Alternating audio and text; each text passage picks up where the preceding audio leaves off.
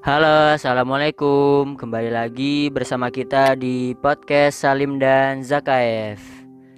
Sorry nih teman-teman, kemarin hari Sabtu kita nggak upload podcast soalnya kita lagi pada sibuk, jadi nggak kekejar buat upload podcastnya. Nah, sekarang episode sekarang nih episode khusus. Jadi kita sekarang ngadain Q&A. Kemarin teman-teman udah pada nanya, sekarang insya Allah kita bakal jawab Q&A-nya, tapi nggak semuanya ya. Oke, langsung aja pertanyaan pertama. Di mana tempat lahir Salman Al Farisi? Seperti yang udah kita ketahui, Salman Al Farisi ini dinisbatkan kepada bangsa Persia. Karena Al Farisi ini kalau dalam bahasa Arab itu artinya orang Persia atau bangsa Persia. Nah, kalau lebih tepatnya ini Salman Al Farisi ini lahir di kota namanya Al Asfahan. Di kota Asfahan ini sekarang ada di Irak. Eh, di Iran, sorry. Ini sekarang ada di Iran. Jadi sebenarnya tuh uh, Salman Al Farisi ini dinisbatkan penisbatannya tuh terhad uh, kepada kota Al Asfahan. Ja, tapi karena Salman Al Farisi ini pendatang ke Arab, jadi sama orang Arab ini dipanggilnya Salman Al Farisi. Uh, Salman seorang Persia gitu jadinya. Oke. Lanjut pertanyaan selanjutnya. Lanjut ke pertanyaan kedua. Pertanyaan kedua ini oh ini dia. Apakah benar Umar bin Khattab pada zaman jahiliyah suka ngubur anak perempuan? Nah, jadi seperti yang udah kita ketahui di zaman jahiliyah dulu orang-orang Arab ini suka mengubur anak perempuannya karena anak perempuan itu dianggap tidak produktif. Misalnya anak perempuan ini nggak bisa buat perang. Terus kalau misalnya mereka kalah perang, anak perempuan ini bakal dijadiin tawanan, bisa di bisa diperkosa, bisa dizinain. Anak perempuan ini intinya kurang produktif lah. Jadi orang-orang Arab ini kurang suka sama anak perempuan. Tapi nggak semua suku Arab kayak gitu, cuma beberapa suku-suku Arab doang yang kayak gitu. Nah, uh, untuk Umar bin Khattab sendiri di kalangan ulama terjadi banyak perbedaan pendapat dan sebagian besar ulama Sunni itu nggak nggak nggak menyetujui kalau misalnya Umar bin Khattab pernah pernah apa namanya pernah ngubur anak perempuannya. Soalnya ini bisa dibantah sama beberapa fakta-fakta berikut. Uh, periwayatan cerita kisah Umar bin Khattab mengubur anak perempuan ini adalah salah satunya diriwayatkan oleh seorang ulama Syiah Rafidah namanya Jabir Al-Ju'fi dan dia adalah seorang pendusta. Jadi dari sini tuh periwayatannya udah jalur periwayatannya udah lemah. Terus yang kedua itu uh, untuk anak perempuan Umar bin Khattab yang pertama kan namanya Hafsah ya yang jadi istri Nabi. Nah Hafsah ini lahir lima tahun sebelum kenabian. Jadi waktu itu masih apa namanya? masih musyrik, masih masih zaman jahiliyah lah. Nah, Hafsah ini anak perempuan tertua Umar bin Khattab. Nah, kenapa Hafsah nggak dikubur kalau misalnya adik perempuannya itu dikubur sama ayahnya sama Umar bin Khattab. Nah, jadi dengan argumen-argumen seperti ini ulama-ulama uh, sebagian besar ulama Sunni ini nggak mengiyakan, nggak menyetujukan kalau misalnya Umar bin Khattab pernah ngubur anak perempuan. Nah katanya kisah Umar bin Khattab pernah ngubur anak perempuan ini itu uh, ditunjukkan untuk merendahkan atau menghinakan Umar bin Khattab. Kan kita tahu ya kisahnya yang ketika Umar bin Khattab lagi ngumpul sama sahabat dan Rasulullah terus tiba-tiba Umar bin Khattab uh, nangis dan ketawa yang hampir berbarengan.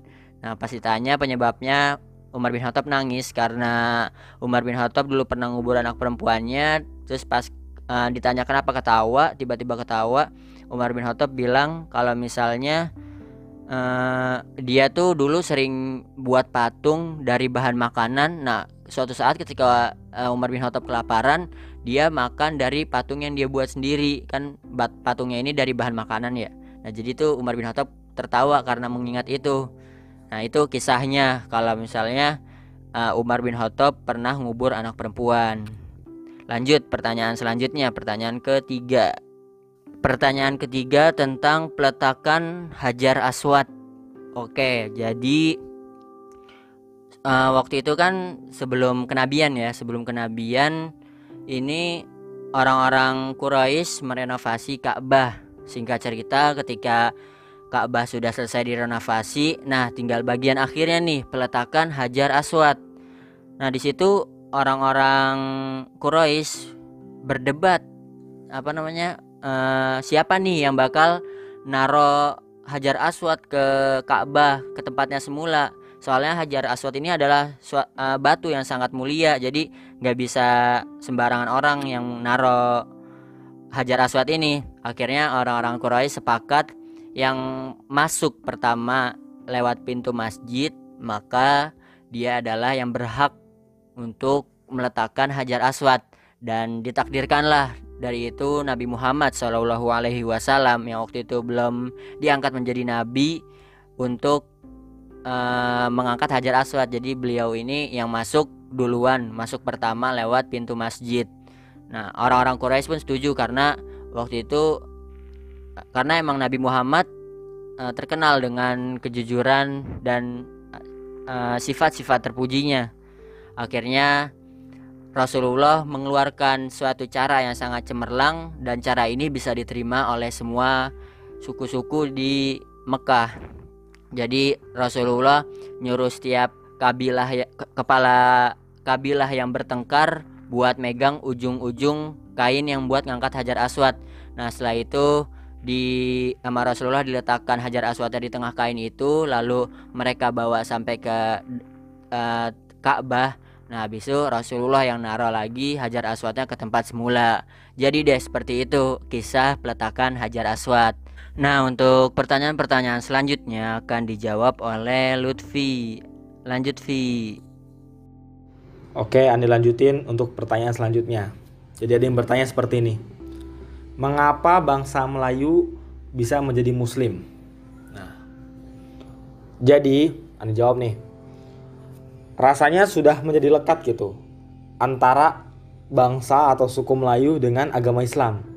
Bahkan ada anggapan di orang-orang awam bahwasannya orang Melayu dan Islam ini adalah duit tunggal yang tidak dapat di, yang tidak dapat dan tidak bisa dipisahkan gitu.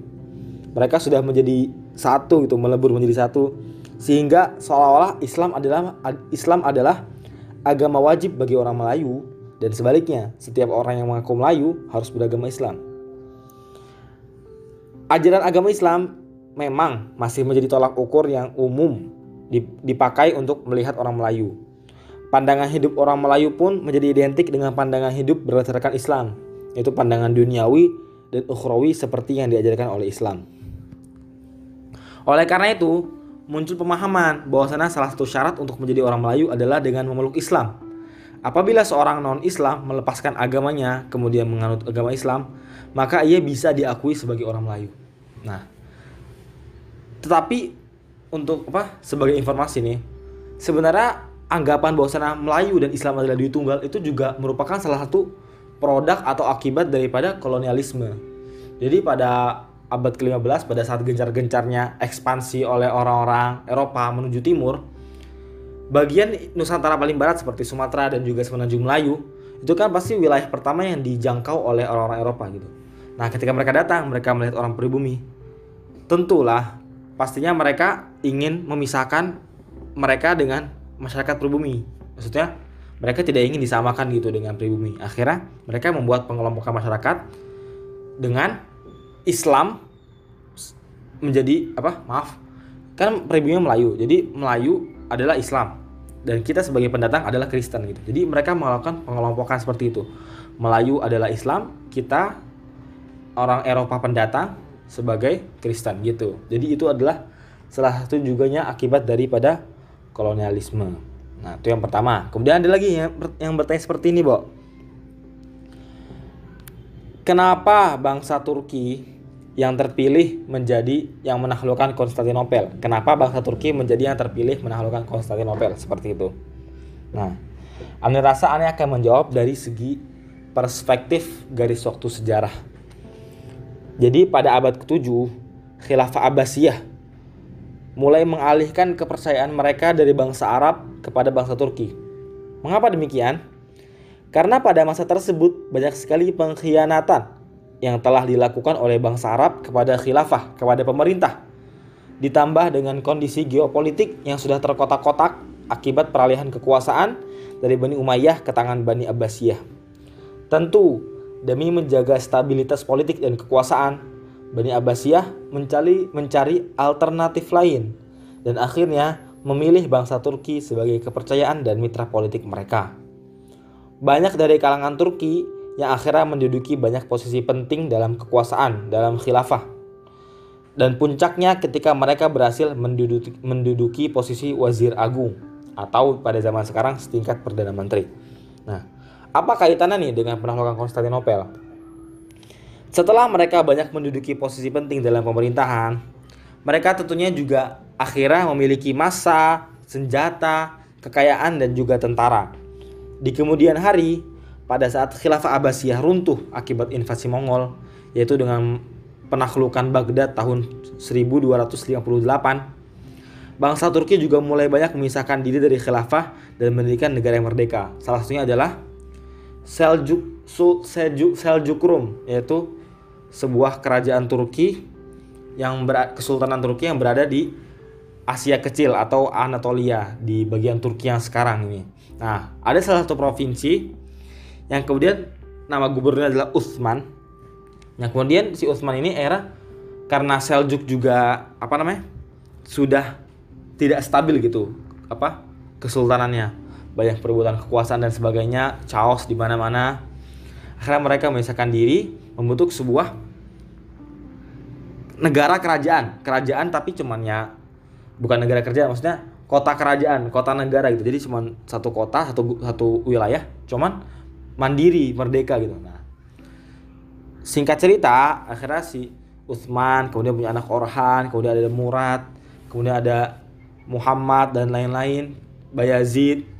Nah mereka bangsa Turki ini terutama yang keturunan Utsman ini dinamakan dengan Utsmani atau Kesultanan Utsmaniyah atau dalam sebutan baratnya Ottoman, mereka memiliki karakter yang kuat. Dalam artian si Utsman ini sudah menanamkan ambisi dan juga tekad untuk menaklukkan Konstantinopel. Mengapa demikian? Alasan pertama, karena mereka muslim dan disebutkan dalam sebuah hadis bahwasanya sebaik-baik pemimpin adalah yang menaklukkan Konstantinopel. Sehingga ini menjadikan motivasi atau bisyarah bagi orang-orang Utsmani untuk menaklukkan Konstantinopel. Yang kedua, mereka juga ingin menaklukkan Eropa. Tetapi rasanya tidak lengkap apabila mereka tidak berhasil menaklukkan Konstantinopel. Sehingga dengan segala cara mereka akhirnya dapat menaklukkan Konstantinopel. Jadi itu adalah uh, jawaban daripada pertanyaan tadi gitu. Oke, mungkin segitu dulu episode Q&A perdana ini. Jangan lupa dipantengin terus podcast kita. Semoga bermanfaat. Wassalamualaikum warahmatullahi wabarakatuh.